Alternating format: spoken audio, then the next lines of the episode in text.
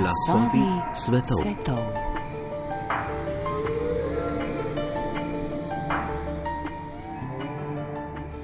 Ljudje smo seveda že odnegdaj organizirali svoje delo.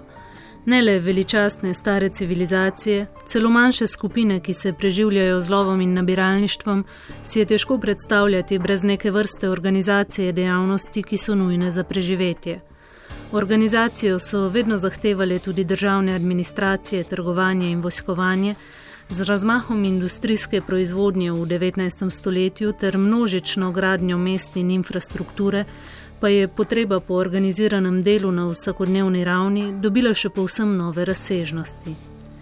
In vendar smo šele pred dobrim stoletjem, torej ko se je kapitalizem že do dobra razširil, začeli zares intenzivno in znanstveno preučevati, kako organizirati človeško delo, da bi to postalo čim bolj učinkovito, da bi torej v čim krajšem času prineslo čim boljši rezultat in s tem seveda višji zaslužek o menedžmentu, vedi, ki je sprožila velikanske spremembe v načinu organizacije našega dela in močno zaznamovala preteklo stoletje naše zgodovine, pa danes, kljub temu, da je vse prisoten v naših življenjih in to, kot bomo videli, ne le v delovnih organizacijah, le redko zares razmišljamo in ga v resnici zelo slabo razumemo.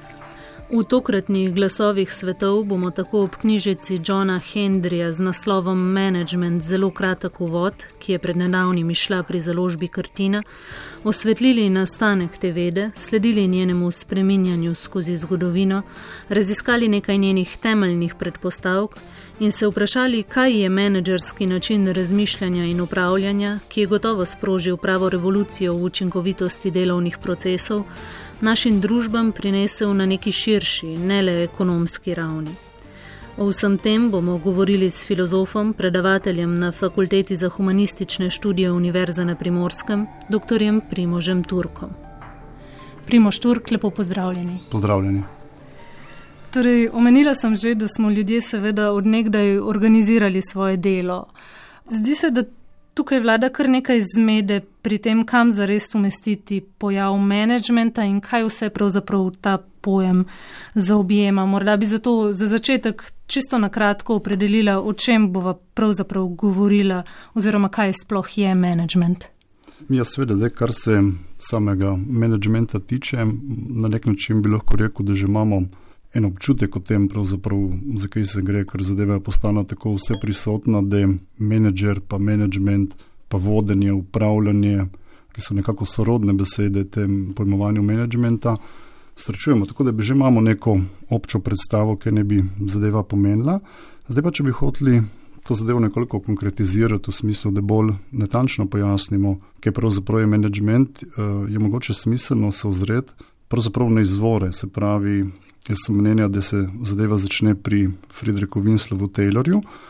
Zdaj sam Taylor v svojem delu Shop Management na nek način že opredeli management v tem smislu, da govori o managementu kot o vrsti vednosti. Se pravi, menedžer je tisti, ki ima neko posebno vednost, neko posebno znanje, neke posebne veščine in izkušnje. In na tem oziru je to neka taka prva določitev managementa, v kateri Taylor zadevo razume na ta način, da znanje bi moralo biti predvsem na ravni menedžmenta, delavec je pa tisti, ki zgolj izvaja po naukih, ukazih menedžmenta. Spravi, v tem prvem zamahu bi lahko to definirali kot nek, nek sistem vednosti poseben. Zdaj pa, če mogoče zadevo izrečemo še v nekem uh, etimološkem smislu, se pravi, kaj bi sploh pomenila ta beseda management. Eh, izhaja iz latinske besede manus, se pravi roka, in v tem oziru pomeni rokovanje, se pravi rokovanje z nečem. Zdaj prva raba same besede management se pojavi pri Shakespeareu v eni igri in sicer kot eh, stavek to manage a horse, se pravi kot rokovati s konjem, voditi konja. Spravi, to so neke te osnovne etimološke, um, reko izhodišča te besede. V osnovi, če bi jo hoteli prevedeti, bi rekel, da gre za rokovanje z ljudmi. Se pravi, glavna poanta menedžmenta pravzaprav ni to, da bi menedžment se ukvarjal s stvarmi, ampak so ljudje tisti, ki so, ki so zares v, v ospredju. In sicer rokovanje z ljudmi z namenom doseganja ciljev organizacije. Zdaj, mogoče z razumevanjem menedžmenta bi bilo uh, smiselno tudi ga razlikovati od ene vede, ki je zelo sorodna, se pravi od ekonomije, v tem oziru, da se včasih prepleta, se pravi, uh, nekako se celo dojeme kot eno in isto. Da, če rečem zelo praktičen primer, jaz sem najprej študiral menedžment na fakulteti za menedžment. Na koncu pa sem dobil diplomo iz ekonomije, kar je pač očiten nesmisel, zato ker sem pač študiral menedžment in, in ne ekonomije. Zdaj pa, če pogledamo eno in drugo vedo, vidimo, da imata pač precej različne izvore, precej različna vprašanja in probleme, ki jih naslavljata. Ekonomija je zadeva, ki se pravzaprav začne razvijati iz uh, filozofije, bi lahko rekli pri Adamu Smithu, če govorimo o moderni ekonomiji. Seveda obstajajo spise o ekonomiji vse nazaj do antike, do Aristotela v njegovi politiki ali pa v spisu z naslovom o ekonomike. Ampak, kadar govorimo za res o ekonomiji, je to moderna ekonomija od Adama Smitha dalje. In kot taka se razvija iz filozofije, iz moralne filozofije. In vprašanja, ki jih naslavlja, so pravzaprav bistveno drugačna kot vprašanja, ki jih naslavlja management.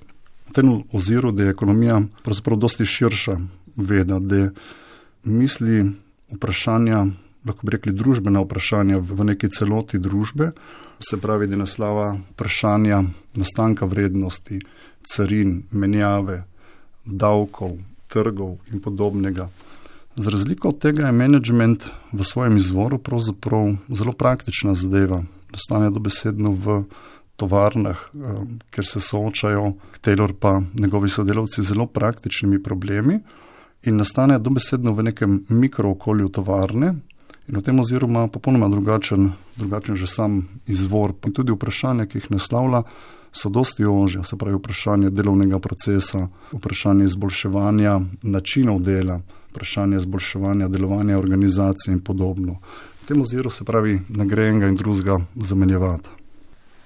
Zdaj ste že večkrat omenili eh, nastanek menedžmenta. V kater čas in prostor pa pravzaprav lahko umestimo ta pojav? Rad bi začel pa z eno težavo, ki se pravzaprav pojavlja v, v knjigah, ki naslavljajo menedžment. Se pravi, pogosto imamo tukaj opravka predvsem z učbeniki, pa raznimi zborniki ali pa nekimi študijami o menedžmentu. In pogosto imamo na začetku nek kratek zgodovinski uvod, in ti uvodi so problematični v smislu umeščanja menedžmenta. In sicer je osnovna težava ta, eh, da se zelo pogosto zamenjuje menedžment kot neko vedo, ki se v nekem času v določenem eh, vzpostavi z menedžmentom kot neko določeno prakso. In kadar poskušamo se priti na jasno, kdaj so neki izvori menedžmenta in če se poslužujemo teh študij, učbenikov o menedžmentu, bomo zelo težko locirali izvor. Zelo pogosto se avtori zatečejo v govorjenje o menedžmentu kot praksi in v tem primeru pravzaprav postavljam izvor menedžmenta na neka zelo poljubna mesta v zgodovini. Tukaj je moč srečati govorjenje o tem, da je menedžment poznan že od časa Grkov, da so Rimljani že poznali menedžment. Aleksandr Velik je bil sposoben menedžer, pa Mojzes, ki je popeljal svoje ljudstvo, da je bil menedžer. In v tem smislu je tukaj polno nekih takih zelo čudnih rešitev, pravzaprav nesmislov, ki nam ničesar ne povejo o zgodovini menedžmenta. Zdaj, kadar pa poskušajo ti avtori ali pa avtori, ki se bolj kritično ukvarjajo z menedžmentom, bolj določno izreči, kdaj je sam začetek menedžmenta, se praviloma tukaj pojavljajo tri imena: Max Weber, Henry Fayol in Friedrich Winslow Taylor. Zdaj, težava pri prvih dveh, pri Webru in pri Fajolu, je po mojem ta, da v resnici ne predstavljata nekega začetka menedžmenta. Sicer v tem pomenu, da je Max Weber je sicer prvi pisal. Ali pa najboljše pisal v neki birokratski organizaciji, ampak to še ne pomeni, da je on pač govoril o menedžmentu, ampak gre sam za nek zelo dober opis birokratske organizacije. Kar se tiče Fajola, je zadeva seveda neprimerno bliže menedžmenta, ker on je dejansko bil menedžer, eh, ki se je ukvarjal s temi vprašanji in tudi napisal knjigo. Sam vpliv Fajola na razvoj same teorije menedžmenta je popolnoma obroben v tem pomenu, da je njegovo delo bilo pisano v francoščini in v angleščini dostopno šele leta 1949, se pravi takrat, kadar je menedžment pravzaprav že do dobra razvit. Zdaj, tretji, ki ostane, in to je po mojem pravi začetek menedžmenta, je Friedrich Winslow Taylor. Um, zdaj pa tisto vprašanje, ki se mi meni tukaj pogosto zastavlja, je pravzaprav, zakaj uh, se večina teh avtorjev, ki govorijo o zgodovini menedžmenta, izogiba Taylorja. Se pravi, omenijo ga, ampak praviloma kot obrobno figuro, čeprav je centralna. Jaz mislim, da je tukaj več zadev, ki se pravzaprav tičejo samega Taylorjevega menedžmenta, njegovega načina pisanja, razmišljanja, ki so za teorijo menedžmenta problematične. Recimo, Taylor je bil zelo neposreden, včasih celo brutalen, kadar je govoril o ljudeh. Za njega so bili ljudje lenuhi, opisoval jih je kot konje, kot govedo, kot opice. In v tem smislu je pač to nekaj neprijetnega, da imaš v izhodišču neke vede, ki se na novo postavlja, avtorja, ki je pravzaprav tako neposreden in, in brutalen. Druga zadeva je številne slabe izkušnje z menedžmentom v, v času Taylorja. Spravi poznani so dosti delovskih uporov, stavk, kot lahko beremo recimo v knjigi Drugo delovsko gibanje v ZDA. Ne na zadnje, Taylor je za časa svojega življenja tudi doživel prepoved uporabe menedžmenta v javnih podjetjih, predvsem zaradi te brutalnosti načina uvajanja samega menedžmenta. Morda bi samo še pojasnila, mi dva tukaj govoriva o času pravzaprav na začetku 20. stoletja in sicer v Združenih državah Amerike. Ja, to je začetek 20. stoletja, prehod iz 19. v 20. stoletje. Se pravi, če bi iskali te izvore, mm, ki so še malček pred Taylorjem, pravi, s Taylorjem dobi zadeva prvo sintezo. Se pravi, on napiše dve ključni knjigi, po mojem, prva je shop management, se pravi, management delavnice bi lahko to prevedli, druga je pa principi znanstvenega managementa. Ampak Taylor je pravzaprav vrh nekega daljšega gibanja ameriških strojnih inženirjev, med katerimi se prvič pojavi ideja, da bi bilo potrebno ljudi voditi, menedžerirati. In sicer na kakšen način. Če si predstavljamo približno zadevo, kako je takrat izgledala, se pravi, v tovarnah, v delavnicah je vladal nek precejšen kaos v smislu urejenosti same tovarne, pretočnih poti, načinov skladiščanja, strojev, ki so se uporabljali. Spravi, cena sama logistika je bila dokaj neurejena. In prvi korak inženirjev je bil poskus ureditve tovarn po tej čisto mehanski plati, bi dejal. V naslednjem koraku pa se seveda izkaže, da ti lahko še tako dobro urediš celotno tovarno, vendar zadeva ne bo postala učinkovita do točke, dokler ne urediš ljudi. In ideja je pravzaprav ureditev ljudi in tu je v tem smislu, po mojem, rojstno, rojstno mesto menedžmenta ljudi, oziroma kot so oni včasih zelo neposredno govorili o problematiki človeškega materijala, ki je neurejen. In to je tisto, kjer se, po mojem, zares, zares začne menedžment. In kako potem ti procesi dejansko izgledajo, kakšen je ta Taylorjev management? Da bi razumeli Taylorjev management, je mogoče dobro izpostaviti nekaj ključnih predpostavk samega Taylorja.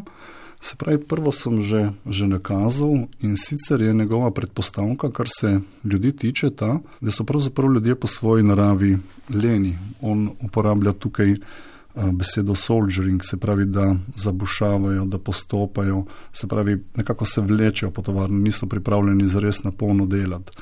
In Taylorjeva ideja je, da je pač potrebno ljudi prisiliti v delo. Zdaj, ta beseda prisiliti ni tukaj naključno izrečena, zato ker v Taylorjevem spisu principi znanstvenega menedžmenta se na vseh ključnih mestih, kadar govorijo o menedžmentu ljudi, pojavi beseda prisila. Se pravi, ljudi je treba prisiliti, da bodo boljše in več delali. Zdaj, kakšni so načini prisile? Bodi si plačevanje po učinku, bodi si to, kar je on imenoval razbitje skupine na posameznike in, in potem rokovanje z vsakim posameznikom posebej. In seveda na koncu sam, sam sistem menedžmenta, ki ne bi pripomogel k temu, da bojo ljudje neprimerno več delali. Zdaj, naslednja pomembna predpostavka, je Taylorjeva ideja, da pravzaprav z menedžmentom bojo pridobile vse strani in to je nekaj, s čimer uh, se tudi pravzaprav menedžment zelo močno uveljavil. Zdaj, kaj je mišljeno s tem, da pridobijo vse strani?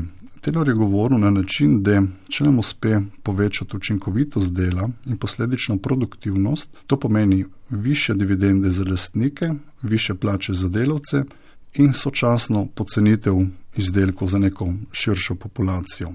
Spravi, to je druga temeljna predpostavka. Tretja, ki jo velja še omeniti, In ta tista, ki po moje zaznamuje management kot, kot neko celoto, je Taylorjeva ideja, da je pravzaprav potrebno menedžerirati vse sfere. Se pravi, on bo govoril o tem, da je potrebno menedžerirati tako vse človeške dejavnosti, kot vse družbene dejavnosti. In takoj v uvodu v knjigo našteje, kaj vse bi bilo po njegovem potrebno menedžerirati. Tukaj omenja svede tovarne kot prvo zadevo, potem pa še našteje bolnišnice, farme, univerze, cerkve. Se pravi, gre za neko totalnost menedžment, dobesedno vse bi bilo potrebno po njegovem menedžerirati in to je hkrati tudi nek pomemben izvorni problem menedžmenta, da nima, da nima neke samozamejitve, ampak da hoče menedžerirati dobesedno vse. O tem problemu bi podrobneje spregovorila nekoliko kasneje, tudi predtem bi vas prosila, Primo Šturk, če nam lahko morda nekako naslikate, kako je management pod taktirko Friedrika Taylorja sploh izgledal. Na kakšen način je Taylor skušal povečati učinkovitost delavcev? Najlepše bi to ponazorili sami Taylorovi primeri, zato ker tudi sama knjiga je istina nek tak um, dokaj smešen način, ki tudi pravzaprav ostane nek model pisanja v managementu. Se pravi, en krajši teoretičen del, potem pa nešteti primeri. In Taylor je um, dobrodošel v tem smislu, da zelo eksplicitno govori o teh primerih, kako so uvajali management. In tisti mogoče najbolj, najbolj znan primer je primer nekega delavca, ki ga poimenuje Schmidt. In gre za to, da poskuša Taylor na primeru konkretnega delavca pokazati, kaj ne bi pomenilo, če uvedemo principe znanstvenega menedžmenta, predvsem stopnevanje učinkovitosti. Zdaj, prva korak, ki ga je Taylor naredil, je bila to, kar je imenoval selekcija delavca. Se pravi, morajo dobiti fizično ustreznega delavca, ki ima dovolj reku, telesne sile, da lahko nosi železne odlitke, kar je bila osnovna naloga. In hkrati, nekaj, kar bi bilo danes zelo sporno, tega delavca so opazovali v njegovem zasebnem življenju, videli so, da gradi hišo, da potrebuje denar, da je zelo skop, se pravi, bil nek način, kako bi ga lahko motivirali. In potem gre v tem delu principi znanstvenega menedžmenta nek dialog s tem delavcem Šmitom o tem, kako ne bi on opravljal delo. In cela zadeva je na koncu izgledala tako, da pravzaprav Šmit je delal ob njem pa je stal Taylor, pa še en sodelavec in so mu pravzaprav do zadnje podrobnosti govorili, kako naj dela. Se pravi, primi odlitek, hodi, hodi hitreje, počasneje, dvigni roke, spusti roke, odloži, hodi nazaj. Se pravi, dobesedno vsak najmanjši gib se je poskušalo menedžerirati. In v tem oziru tisto, kar so dosegli, je bil pravzaprav neka zelo velika rast učinkovitosti upravljanja dela, produktivnosti. Se pravi, Šmit, ki je najprej pretovoril v enem dnevu, mislim, da je bila tam številka 10 ton surovega železa, potem, ko je bil na, na ta ustrezen način voden iz koraka v korak, pravzaprav bil zmožen pretovoriti 40 ton surovega železa. Zdaj te na koncu še potegne tak zelo nenavaden sklep, da bi bil ta človek pravzaprav potem srečnejši, ampak ne zaradi plače, ki jo dobiva, ampak zaradi tega, ker se je nekako uresničil v, v tem, ko je pretovoril 40 ton železa. Sprej teh primerov Taylor ogromno navede, ampak osnovna logika je vse čas skrajševanje časa, v katerem je delo upravljanje in odpravljanje nepotrebnih gibov. Se pravi, na koncu zadeva zgleda zelo robotska. V tem oziru ampak se pa je izredno stopnevala učinkovitost in produktivnost upravljanja dela. Kako hitro pa pravzaprav ta stvar začne živeti v gospodarstvu, tudi izven teh obratov, kjer je deloval sam Taylor? V resnici zelo, zelo hitro. Najprej zaradi tega, ker je pač zaživela v, samem, v samih podjetjih. Hitro je bilo dosti sledilcev Taylorju, ki so bili njegovi učenci ali sodelavci in so sami potem naprej razvijali management. In sam Taylor zelo hitro postane tudi svetovalec, ki hodi od podjetja do podjetja. In to ne samo v ZDA, ampak tudi v Evropo hodi svetovati, tako da je zadeva zelo hitro se, se razširi moče govoriti o tem, da najdemo že znanstveni menedžment tako v ZDA kot v Evropi, na Japonskem, pa celo v Sovjetski zvezi, ker Lenin govori o tem, da je pravzaprav Taylorjeva iznajdba menedžmenta nekaj najboljšega, kar se je zgodilo, ali pa je ena redkih pozitivnih stvari kapitalizma. V tem smislu pač to zadevo bi bilo treba uh, tudi uvoziti k nam. Ne? Tako da gre ta širitev iz ZDA hitro v, v druge države, celo do te točke, da mora Taylor sam začeti bremzati uh, širitev menedžmenta in sicer zaradi številnih delovskih uporov, do katerih je prihajalo.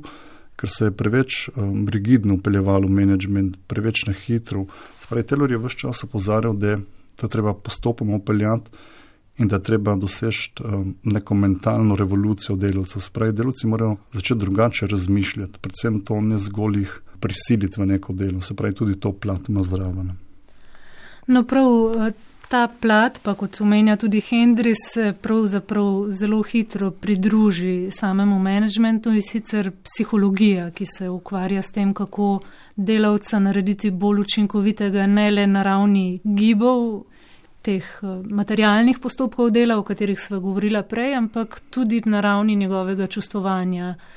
Ja, zdaj, ta zgodba je v resnici zelo zanimiva, ker psihologija je pravzaprav ob samem nastanku menedžmenta že, že prisotna. Zdaj, meni se je ob tem predvsem zastavljalo vprašanje, kako to, da je psihologija dobesedno takoj zdraven. Po mojem edini smiselni odgovor v tem, da pravzaprav menedžment se ukvarja izključno z ljudmi ali pa v osnovi z ljudmi. In torej je tu pravzaprav področje psihologije. In sicer že leta 1913, se pravi dve leti zatem, ko Taylor izda svojo knjigo Principi znanstvenega menedžmenta, izda Hugo Munsterberg knjigo z naslovom Psihologija in industrijska učinkovitost. Munsterberg, ki pride v ZDA študirati psihologijo k Williamu Jamesu, se na Harvardu navduši nad Taylorjem, ker takrat se že poučuje predmet Taylorjev znanstveni menedžment, ki pravzaprav tudi prvi predmet univerzitetni, rekel, ki se poučuje o menedžmentu. Na nek način začne govoriti Monsterberg, da to je pač tista nova revolucionarno gibanje in naloga psihologije, kot sem pravi, je, da pomaga menedžmentu. Um, če gremo brati to njegovo delo, je zelo zanimivo. On bo govoril na ta način, da psihologija sama po sebi nima nekih ciljev, ampak je zgolj orodje, ki pomaga nekomu drugemu, ki zastavi cilje. In pravi, Taylor nam je pokazal, kateri je cilj. To je večja produktivnost in večja učinkovitost. In kar je storil Taylor, je, da je stopneval učinkovitost dela predvsem na ravni telesa.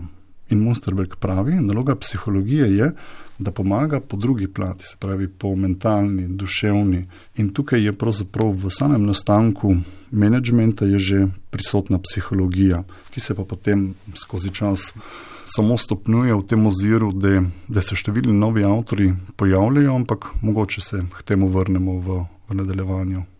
Kako se pa z vstopom psihologije v to vedo pravzaprav spremenijo te prakse menedžmenta? Zdaj, v tem prvem koraku pri Monsterbergu še ne moramo govoriti o neki resni spremembi, ampak že v 40-ih letih, kadar prije nek drugi val psihologije z Eltonom Majom, in potem z Abrahamom Maslovom se pač zadeva začne korenito spreminjati. Pri Maju gre za nek zanimiv eksperiment, ki ga upravljajo, se pravi, on poskuša ugotoviti korelacijo med produktivnostjo in preko zunanjimi pogoji, kako je urejen prostor, kako je osvetljen in podobno. Se pravi, psihologija ponovno v tej funkciji, da bi pomagala tukaj menedžmentu v smislu povečevanja produktivnosti in iščejo te korelacije.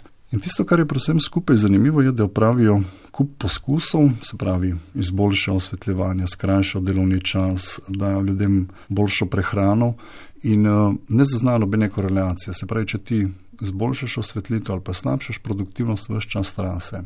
In potem te študije opustijo in se resnici čez leta vrnejo ponovno k njim, nekaj ugotovijo, da so eno ključno predpostavko spregledali in to je, da so pač to skupino, ki so opazovali, ločili od ostalih in pravzaprav da se je oblikoval nek tim. In tista ključna ideja, ki, ki tukaj nastane, je pravzaprav, da je treba delati več na medčloveških odnosih. Se pravi, tukaj prija neka popolnoma nova perspektiva menedžmenta, se pravi, da gre za ljudi kot um, reko, socialna, družbena bitja, ki pravzaprav v tej interakciji sodelovanja, zgolj zaradi tega se pač cela zadeva spreminja v smislu boljšega delovanja. In tukaj je na nek način rojstno mesto tega, o čemer, čemer pozneje govorimo kot o timskem delu in podobnih zadevah. Primoš Turk, kaj pa to pomeni za nadaljni razvoj menedžmenta? Kaj postane menedžment recimo v drugi polovici preteklega stoletja? John Hendry v svojem kratkem uvodu kot enega najpomembnejših avtorjev tega časa, da nimo omenja Petra Ferdinanda Druckerja. Ja, jaz mislim, da je poleg Taylorja, ki je pravzaprav začetnik menedžmenta, je druga ključna figura Petr Ferdinand Drucker, ki pravzaprav začne pisati že v, v poznih 30-ih in vse ta do, do leta 2000 nekaj, se pravi, napiše 30-40 del in na nek način da največji pečat samemu menedžmentu. Pravzaprav mu uspe narediti neko sintezo vseh dotedanjih breko pristopov k menedžmentu. Spravi, po eni strani vključi psihologijo, po drugi strani vključi sociologijo, prepozna Taylorja, se pravi, eden prvih, ki, ki da Taylorju ustrezno mesto, ustrezno veljavo in na nek način hkrati seveda izoblikuje neko svojo teorijo ali pa neke svoje nove poglede na, na management. In tudi avtor, ki smo na začetku omenili, se pravi Hendry, govori na ta način, da je v nekem obdobju pravzaprav ni bilo stavka v menedžmentu, ki ga ne bi iznajdel drug. Se pravi, da ima res neko, neko centralno vlogo. Zdaj, kaj pa je tukaj mogoče tisto, kar je pomembno pri, pri samem drugarju. Se pravi, v začetnih delih seveda se drži zgolj vprašanje organizacije v pomenu profitnega podjetja, eh, pozneje pa začne zadevo bistveno širše preučevati. Se pravi, zelo hitro bo začel govoriti tudi o neprofitnih organizacijah, pa začel bo tudi misel širše, se pravi, nek način celoto družbe kot družbe, v kateri je ta princip menedžmenta zelo zaživel. Če izpostavim mogoče par takih ključnih doprinosov samega drugarja. Ena bistvenih zadev, po mojem, je njegovo govorjenje o transformaciji narave dela. Se pravi, tukaj se navezuje zlasti na Taylorja in na njegov čas, ker je seveda prevladovalo neko manualno delo in pravi Taylor je dosegel izjemno zadevo s tem, ko je uspel pomnožiti produktivnost za 200, 300 ali pa celo 500 odstotkov. Pravi isto moramo zdaj mi doseči na ravni umskega delavca. Se pravi, narava dela se je spremenila, ne delamo več s telesom, ampak z našo glavo. Na nek način govori, tudi zelo slikovito to opisuje. Pravi, umski delavec je tisti delavec, ki nosi produkcijska sredstva s seboj v svoji glavi. Njegova produkcijska sredstva so to, kar se nahaja med njegovimi ušesi. Pravi, pravi dobesedno naše znanje, naša, naša vednost. In v tem oziru naredi drugar pomemben korak, kadar začne razmišljati, spravi, na kakšen način menedžerirati, voditi, motivirati te nove delavce, ki niso pač več delavci, ki bi jih lahko na enostaven način kot Taylor prisilili v delo, ampak gre za neko čisto drugačne pristope. Zdaj, druga zadeva, zelo pomembna, ki jo govori drugar in tukaj gre zelo široko govorce, pravi, ne ostaja več zgolj na ravni organizacije, oziroma mogoče boljše rečeno, ta, ta pojem organizacije, ki pravzaprav z njim zares živi, on je na nek način teoretik organizacije, zelo razširi. Se pravi, on začne govoriti, da je organizacija tako družina, kot podjetje, kot verska institucija, kot država. In pravzaprav začne postavljati v svojem poznem delu postkapitalistična družba, začne postavljati neko novo paradigmatsko razumevanje družbe in sicer v tem pomenu, da začne govoriti, da družba ni več sestavljena iz posameznikov, kar je pač vse čas nekako veljalo, ampak da je družba družba organizacij. Se pravi, dobesedno nastopi nov subjekt družbe. In ljudi pravzaprav izključi v nekem neposrednem smislu iz družbe in jih v njo prepusti zgolj kot tiste, ki so v organizaciji. Se pravi, gre za številne take široke paradigmatske premike. In ne na zadnje, še ena pomembna zadeva, če jo samo omenimo, se pravi, drug je eden prvih, ki začne govoriti o družbi znanja, kar je danes ena prevladujočih, rekel, načinov razumevanja družbe, vendar seveda na poseben način. Znanje je pri drugarju pravzaprav zgolj praktično, uporabno, tisto, ki takoj prinese neke rezultate. Se pravi, gre za neko transformacijo razumevanja znanja in na nek način ga on postavijo bog kapitalu, zemlji in deli kot, kot četrti produkcijski faktor.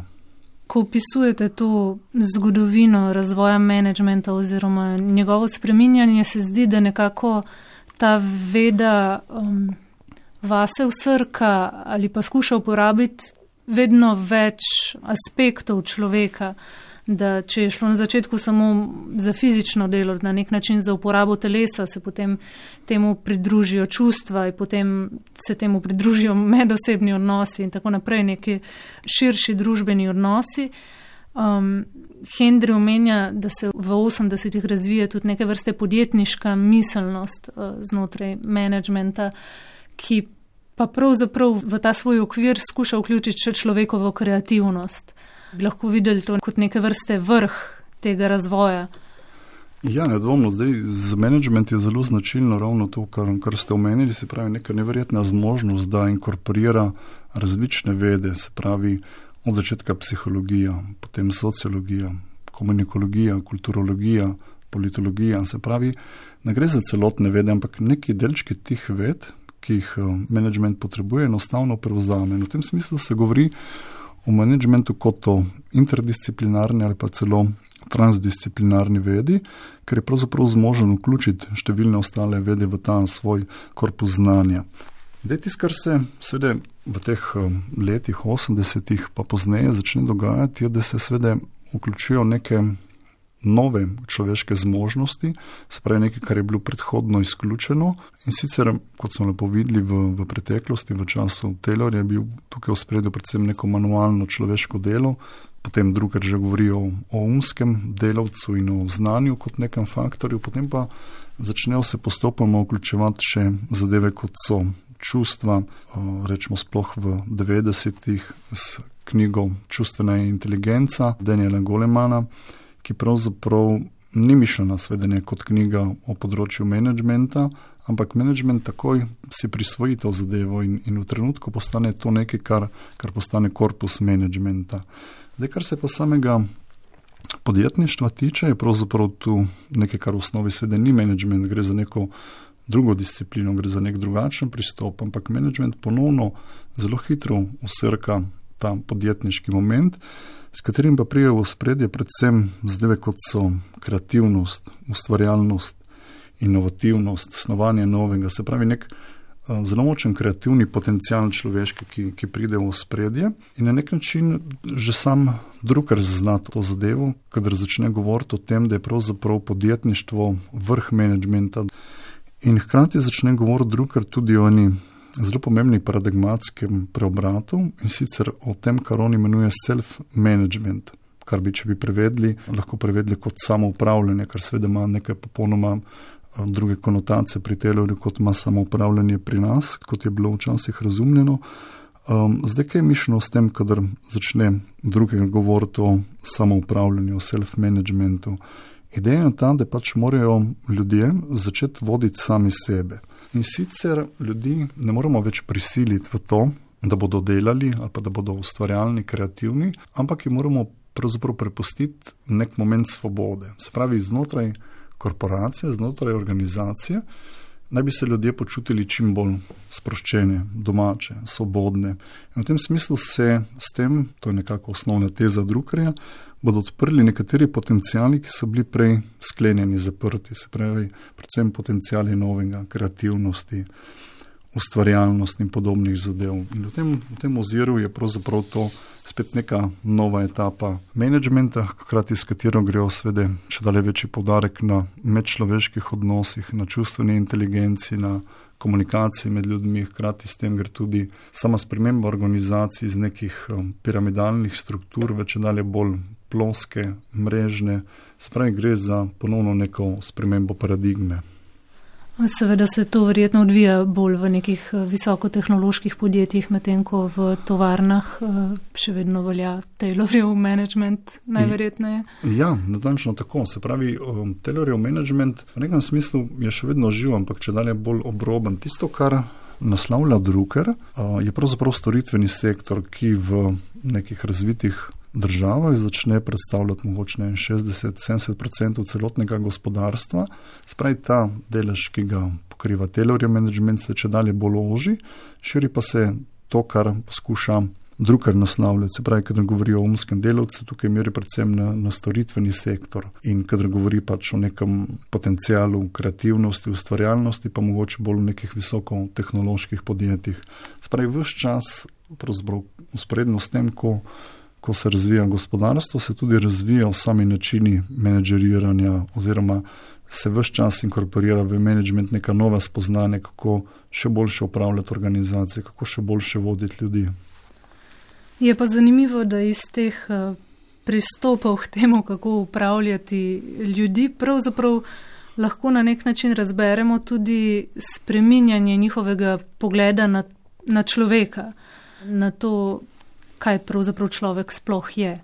Ja, tukaj je zelo lepo vidno že v tem delu, ki smo ga omenili, Hendrija, management zelo kratek uvod, ker pravzaprav on začne z nekim takim izjemno zgovornim stavkom, ki če ga zdaj navedem, se glasi, Od očeta sem se naučil, da ljudje najbolje delujejo, ko so srečni in spoštovani. Zdaj, kaj nam ta stavek pravzaprav govori? Ta stavek ne govori o srečnosti pa o spoštovanju ljudi, ampak je podarek na tem, da najboljše delujejo. Se pravi, gre za spreminjanje paradigem menedžmenta vse čas z ozirom na to, kako naj ljudje najboljše delujejo. Se pravi, to pa gre zelo tesno skupaj z nekim razumevanjem človeka, ki je pravzaprav v nekem podtalju menedžmenta, ki je včasih obeseden, včasih ni to razumevanje. Um, Seveda to ni zgolj stvar menedžmenta. Če mi pogledamo širše, je pravzaprav imajo uh, različni avtori, različne vede, ki se dotikajo človeka, imajo inkorporirano neko antropologijo. Se pravi, da če tukaj rečem samo dva, tri najbolj znane take antropološke stavke, rečemo Aristotel v svoji politiki govori o tem, da je človek po naravi politična žival in pravzaprav ta temeljni stavek strukturira celo politiko, celo razumevanje politike. Marx bo rečemo govoril o tem, da je človek družbeno bitje, kar ponovno strukturira njegov način mišljenja. Adam Smith, kar je seveda neprimerno bliže našemu vprašanju menedžmenta, bo takoj na začetku svojega dela Bogatstvo narodov govoril o tem, da je človek tisto bitje, ki trguje, branta in menjuje. Spravi iz tega antropološkega stavka je na nek način razvito, bi se dalo reči, cela njegova knjiga. Podobno, kadar pogledamo na management, imamo tukaj dve osnovni predpostavke o tem, kaj je človek. Prva predpostavka meri na čas Taylorja in jo mogoče najlepše obesedi Taylor in sicer na ta način, da je človek po svoji naravi lenuh, da je nekdo, ki se izogiba dela, in da je hkrati s tem vseeno neko racionalno bitje. In tisto, kar je značilno za ta prvo etapo menedžmenta, je neka zelo racionalen odnos do človeka. Se pravi, gre se za vprašanje nekih zelo kalkulativnih, matematičnih, tehničnih pristopov k človeku, s katerimi se poskuša, svede, predvsem krmili človeka. Zdaj, pozneje, eh, če pogledamo Eltona Maja, bo on govoril o tem, da je človek socialno bitje, Vse ta predpostavka gre iz tega, kar smo prej omenili, se pravi iz njegovih študij, spreučevanj teh konkretnih primerov v tovarnah, ker vidi, da je ta dinamika skupine pravzaprav ključna in da človek ni zgolj neko leno biti ali pa individualno biti, ampak da ima v sebi pravzaprav neko že inherentno motivacijo, ki jo treba samo sprostiti. Ne maram še lepše se zadeva pokaže pri Abrahamu Maslovu, ki napiše eno zelo odmeven članek z naslovom Teorija človeške motivacije, mislim, da je iz leta 1946. In če gremo brati ta članek, pravzaprav takoj na začetku imamo definicijo človeka, ki se glasi, da je človek nenehno hoteča žival. In od tukaj gre pravzaprav njegova piramida človeških potreb, se pravi najnižje potrebe, kot so potreba po spolnosti, po hrani, potem više potrebe po varnosti, do končne potrebe po samouresničevanju. Ampak cela zadeva bazira na nekem posebnem razumevanju človeka, v tem pomenu, da je človek tisto bitje, ki nenehno hoče nekaj novega, nekaj več. In to je tisto, kar ga motivira. Zdaj, management seveda s pridom uporabi to um, teorijo človeških potreb, kot jo razvija Maslov, v tem pomenu, da je pač jasno, da na neki bazični ravni lahko ti človeka motiviraš že s hrano, pijačo, pa oblačili, sprej z nekimi elementarnimi dobrinami. Više kot gre človek po neki vem, piramidi organizacije v smislu boljših delovnih mest, potem pač ne gre več, da ga motiviraš samo z denarjem, ampak je treba z nekimi drugimi pristopi na začetek motivirati. Se pravi, cela zadeva se na nek način inkorporira. Zdaj pa tisto, kar je pri vsemu skupaj, po moje, bistveno, je pravzaprav ideja tega, da V redu, treba je ljudi na drugačen način motivirati, treba jih je drugače voditi, treba jih je drugače menedžerirati. Ampak tisto, kar ostaja v jedru, je pa to, da je ljudi potrebno menedžerirati. Se pravi, to je tisto, kar ostaja od Taylorja prisotno. Gre samo za iskanje novih, boljših, bolj učinkovitih načinov. Se pravi, paradigma se ne spremeni v tem temeljnem oziru, da bi bilo ljudi potrebno voditi, menedžerirati za dosego ciljev organizacije. Samo načini, kako jih voditi, se spremenjajo. To je tisto, kar je po mojem ključno pri vsem skupaj. In ta stvar, kakorkoli je mogoče um, kruta, ker upreže celotnega človeka uh, izključno za nek namen, ki je največkrat um, zgolj profit organizacije, v kateri dela, vendarle v bistvu odlično funkcionira, vsaj uh, v gospodarski sferi. Ja. Um, pravzaprav ne, ne samo v gospodarstvu, zato ker um, tehnike menedžmenta je moč uporabljati tudi izven gospodarstva in se jih uporablja. Se pravi, pravzaprav je menedžment neka veda, disciplina, neka spretnost, če smemo temu tako reči, ki pravzaprav izjemno dobro deluje. Ne? Zdaj, če se mogoče osredotočimo bolj na vprašanje samega gospodarstva, uh, bi dejali, da pravzaprav je menedžment neka realnost, v, v kateri živimo. Ne? Se pravi, da na nek način tudi če nam ti pristopi menedžmenta niso najbolj pri srcu, nam niso najbolj dragi, eh, vseeno se ne moramo pretvarjati, da pač ta zadeva ne obstaja. Ali pa da bi se odločili, da bomo popolnoma mimo tega vodili neko podjetje, ker enostavno pač ne bi bili več konkurenčni. V tem oziru bi verjetno zelo hitro padli iz trga. Ne?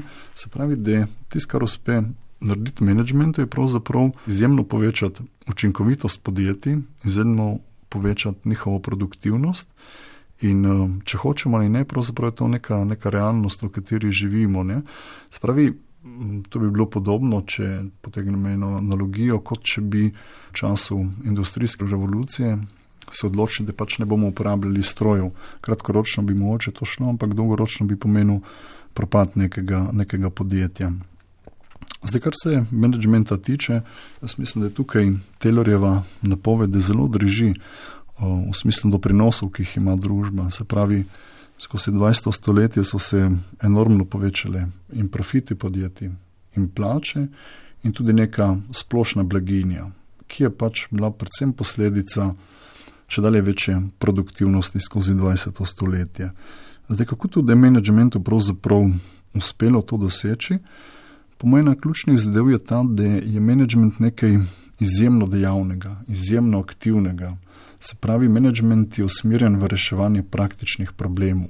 Ves čas je na nek način napreži za novim, za novimi načini upravljanja dela, za izboljševanjem delovanja organizacij. Zdaj, če pogledamo primerjavo, rečemo Taylorja pa Smitha, ki sta lahko rekli začetka dveh dveh disciplin, Smith ekonomije, Taylor managementa, bomo pri Smithu videli, da sicer on je govoril o delitvi dela, ampak na nek način teoretsko, se pravi, on je to zadevo spoznal, opisal in to je to. Taylor je pa po drugi strani pravzaprav govoril o temu, kar bo imenoval subdivision of labor, se pravi poddelitev dela. In to je nekaj, kar izhaja neposredno iz tovarne, se pravi iz njegovega opazovanja dela delavcev iz tega, da je poskušal razmišljati, kako bi boljše opravili delo. In tisto, kar pravzaprav Taylor poskuša s to opredelitvijo, ki jo imenuje poddelitev dela, doseči, je, da izboljša vsak minimalni segment upravljanja dela. Spravi, celotna ideja v ozadju je večja učinkovitost in posledično seveda večja produktivnost. In v tem oziru je management, če bi rekli zadevo z neko metaforo, je vizavi kapitalizma iznajdba, ki nek ta motor kapitalizma pravzaprav nalije kerozin, cela zadeva poleti, se pravi, enormno se poveča produktivnost. In, in v tem oziru seveda lahko govorimo o številnih, rečemo temu, pozitivnih plateh, predvsem kar se tiče višjih plač, mogoče pa, pa neke blaginje, ki jo zadeva doprinese seboj. Dobro, torej management seveda nedvomno deluje na ravni gospodarstva in to ima seveda tudi eh, širše dobre vplive na naše družbe in tako naprej, če se te dohodki prerasporejajo, um, če se s tem lahko privoščimo socialne države in tako dalje. Ampak prej ste že omenili, da se pravzaprav ta način razmišljanja, ta način upravljanja z ljudmi širi tudi izven samih gospodarskih družb. Kaj točno sploh mislite s tem in kaj pravzaprav to pomeni za naše družbe? Ja, na nek način se mm, širi izven gospodarskih, rečemo temu, družb, sam način vodenja ljudi. Rečemo, po mojem, tisti ključen korak, ki je tukaj narejen, je, je naredil drug, ker s tem, ko začne govoriti o tem, da je vsaka človeška združba, ne si bo to družina, država, podjetje, organizacija.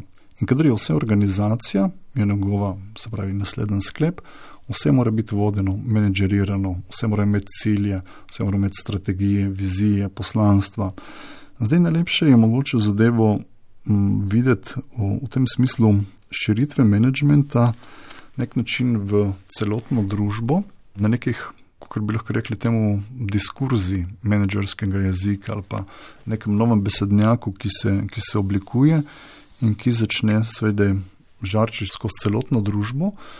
Zdaj pa, kadar se začne oblikovati nek nov diskurs, nek način nov govorjenja o družbi, seveda posledično se oblikuje tudi nov način razumevanja, mišljenja in v končni štanci nov način delovanja.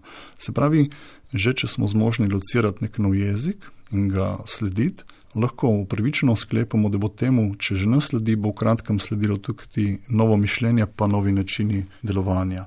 V tem oziru je pač vredno preučevati management, tudi če se z njim ne ukvarjamo profesionalno, zgolj zaradi tega, ker pač postaja neka odločilna sila, po moje, ki je začela oblikovati našo družbo, ali pa ki jo če dalje bolj oblikuje, podobno kot je vredno spremljati politiko, tudi če nismo poklicni politiki, ker je vendar to neka determinanta, ki določa svet, v, v katerem živimo. Zdaj, mogoče, kar se m, samega širitve menedžmenta v, v neko širšo družbo tiče, je tisto, kar sem tukaj že izpostavil, najbolj opazno, vidno, menedžerski diskurs. Če smo pozorni na besednjak, ki ga danes srečujemo, rečemo govor o ciljih, viziji, poslanstvu, strategiji, učinkovitosti, timskem modelu, motiviranju, sinergijskih učinkih, odličnosti, optimizaciji, samoresničevanju. Se pravi, ta besednjak bi lahko še našteval in našteval. In na nek način to nekaj, kar še vedno, po moje, težko lociramo, v tem smislu, da se premalo mogoče ukvarjamo s tem, kako vse prisoten je postal management. Če mogoče navedem par takih praktičnih primerov, kjer lahko srečamo ta diskurs, je recimo govorjenje o organizaciji, ki ima vizijo in poslanstvo. In dan danes, če gremo pogledati na spletno stran neke mestno predelovalne industrije ali pa na spletno stran univerze, bomo videli isto strukturacijo, cilji, vizija, poslanstvo. Spravi nekako samoumevno je postalo, da vsaka institucija navede, kakšna je njena vizija, kakšno je njeno poslanstvo, kakšne so vrednote, cilji. Um, še bolj konkretno rečeno, pravkar se sprejema nov nacionalni program visokega šolstva in če gremo z zadevo natančno brat, najdemo tam ogromno tega menedžerskega diskurza, tega jezika, za katerega bi pravzaprav pričakoval, da v tem dokumenti se ne bo znašel. Ne? Tam je govora o odličnosti, ki ne bi jo dosegle inštitucije raziskovalne pa univerze. Se pravi, sam pojem odličnosti je bil razvit znotraj menedžmenta v, v delu, v iskanju odličnosti. Potem je tukaj govor o prožnosti, odzivnosti, o kroženju možganov, o mehanizmih kroženja možganov, o drznosti, o sinergijskih učinkih, o človeških virih. Se pravi, tam najdemo v istem stavku rečeno človeški in materialni viri. Se pravi, ta besednjak menedžmenta se znajde v tem dokumentu šolstva, pravzaprav se ne znajde, ampak na nek način oblikuje ta dokument, kakšno ne bi bilo naše šolstvo in to je en tak zelo praktičen primer širitve diskurza menedžmenta. In tisto, kar je tukaj, po moje, fascinantno, je, da ostaja precej neopaženo. Če bi v tem dokumentu se samo na enem mestu pojavila beseda kapital ali pa profit, bi večina, rečemo, intelektualcev slovenskih se ob tem vznemirila. Zdaj pa, če se tam 50krat pojavijo človeški viri, pa sinergijski učinki in podobno, na nek način ne znamo tega točno lecirati. In eh, v tem oziru se mi zdi pač vredno mogoče več časa posvetiti eh, neki analizi, študiji menedžmenta, branju avtorjev, ki so na nek način dosti manj zanimivi kot branje kakšnih uh, bolj prodornih mislicov, ampak izjemno pa oblikujejo čas, v, v katerem živimo. Ampak um, zakaj bi pa pravzaprav rekli, da je to širjenje problematično, oziroma kaj, kaj bomo ljudje izgubili s tem, če začnemo o stvarih razmišljati menedžersko, tudi o stvarih, kot so šolstvo. Mogoče bi si eh, na tej točki lahko privoščil malček utopično govorjenje. Eh, ne na zadnje sta dve pomembni utopiji nastali na, eh, rekel, v odnosu do menedžmenta, se pravi prvi distopični roman 20. stoletja, Evgenij Zamjati in njegov roman Mi, je nastal pravzaprav kot poskus razumevanja, kaj bi se zgodilo, če bi Tellerjeve principe aplicirali na celotno družbo. Drugi utopični roman je 1984 od Georgea Orwella, ki pravzaprav nastane tudi kot neke vrste kritika uh, menedžmenta in sicer knjige z naslovom The Managerial Revolution, ki jo napiše James Braham. Orwell tukaj napiše najprej neko kratko kritiko in potem na osnovi te knjige pravzaprav piše 1984. Spravi, če si privoščim neko rahlo utopično govorjenje, bi pravzaprav družba, v, v kateri bi zares zavladali principi menedžmenta, postala družba, kjer bi, kjer bi celotna družba delovala pod enim principom in sicer pod principom učinkovitosti, rečemo temu, ali pa drugače rečeno, to bi bila družba, v kateri bi ljudje videli so ljudi zgolj kot orodja, sredstva za dosego ciljev, ker to je na nek način osnovna ideja menedžmenta, se pravi spreminjanje v sredstvo, v orodja za dosego ciljev vsega, tudi ljudi. To je bila družba, v kateri bi pravzaprav ne bi izgubili samo so ljudi, v tem smislu, da bi zgolj, da bi postali zgolj sredstva za doseganje ciljev, ampak bi nek način tudi same sebe. Zato, ker ideja menedžmenta kot self-managementa je pravzaprav ta, da začnemo sami sebe načrtovati, se pravi, da sami sebi zastavljamo cilje in potem pravzaprav sami sebe na nek način silimo, porivamo v doseganje teh ciljev. Se pravi, to je bila družba, ki je bila strukturirana na nek uh, zelo organiziran način, kjer bi pravzaprav uh, se celotna zadeva preobrazila. V tem smislu, če uporabim tukaj kantov imperativ, pravzaprav bi postalo vse skupaj nasprotje tega imperativa in sicer ne bi delovali več tako, da so ljudje samo cilj, ne pa sredstvo, ampak bi, če bi ta družba zares zaživela, delovali samo še tako, da so ljudje zgolj sredstva in nikoli cilja. Kaj pa je morda um, potem rešitev, ker kljub vsemu, kot ste rekli, se um, menedžmenta vse na nekih področjih ne moremo znebiti? No, gledajte se tukaj v tem zadnjem vprašanju, ko sem, sem si privoščil malček utopično govoriti, pa seveda to ni nekaj, kar ali pa upamo, da je nekaj, kar bi se uresničilo. Um, jaz mislim, da rešitev na nek način je zelo preprosta, pa hkrati zelo težka. Uh, zelo preprosta za izreči, zelo težka za uresničiti. In sicer um, preprosta je v tem, da je osnovna težava menedžmenta od samega njegovega izvora, od telorja dalje, nezmožnost, da bi se zamejil na neko področje. Se pravi, Management v, v gospodarstvu, ja, absolutno. Se pravi, to je zadeva, ki je enormno izboljšala funkcioniranje gospodarstva. Management na univerzi, to pa malo dvomim, ali pa management nekje drugje, oziroma saj ne v teh rigoroznih principih, kot se uporablja v, v gospodarstvu. Se pravi, ključna zadeva je po moje omejiti management na, na tiste področje, na katera izvorno sodi, uh, ne, pa, ne pa širitev managementa do besedno vse pore življenja. Primoš Turk, najlepša hvala za pogovor in vsa pojasnila. Hvala vam za vabilo. S tem smo prišli do konca tokratnih glasov svetov, v katerih smo govorili o menedžmentu. Pogovor je sprožila knjiga Johna Hendrija z naslovom Management zelo kratek uvod, ki je nedavno izšla pri založbi Kartina. Oddajo, ki lahko prisluhnete tudi v obliki podcasta ali jo poiščete na spletni strani programa Ars, sem pripravila in vodila Alja Zore, zvočno pa jo je oblikoval Jrnej Boc.